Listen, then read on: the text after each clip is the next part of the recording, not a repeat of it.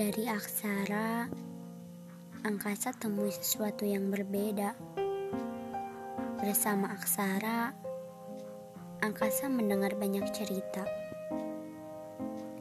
Cerita hal dewasa, cerita biasa yang menurutnya tersirat sebuah makna. Bersama angkasa, aksara memang tak banyak bicara. Namun mendengar aksara, angkasa memahami banyak makna.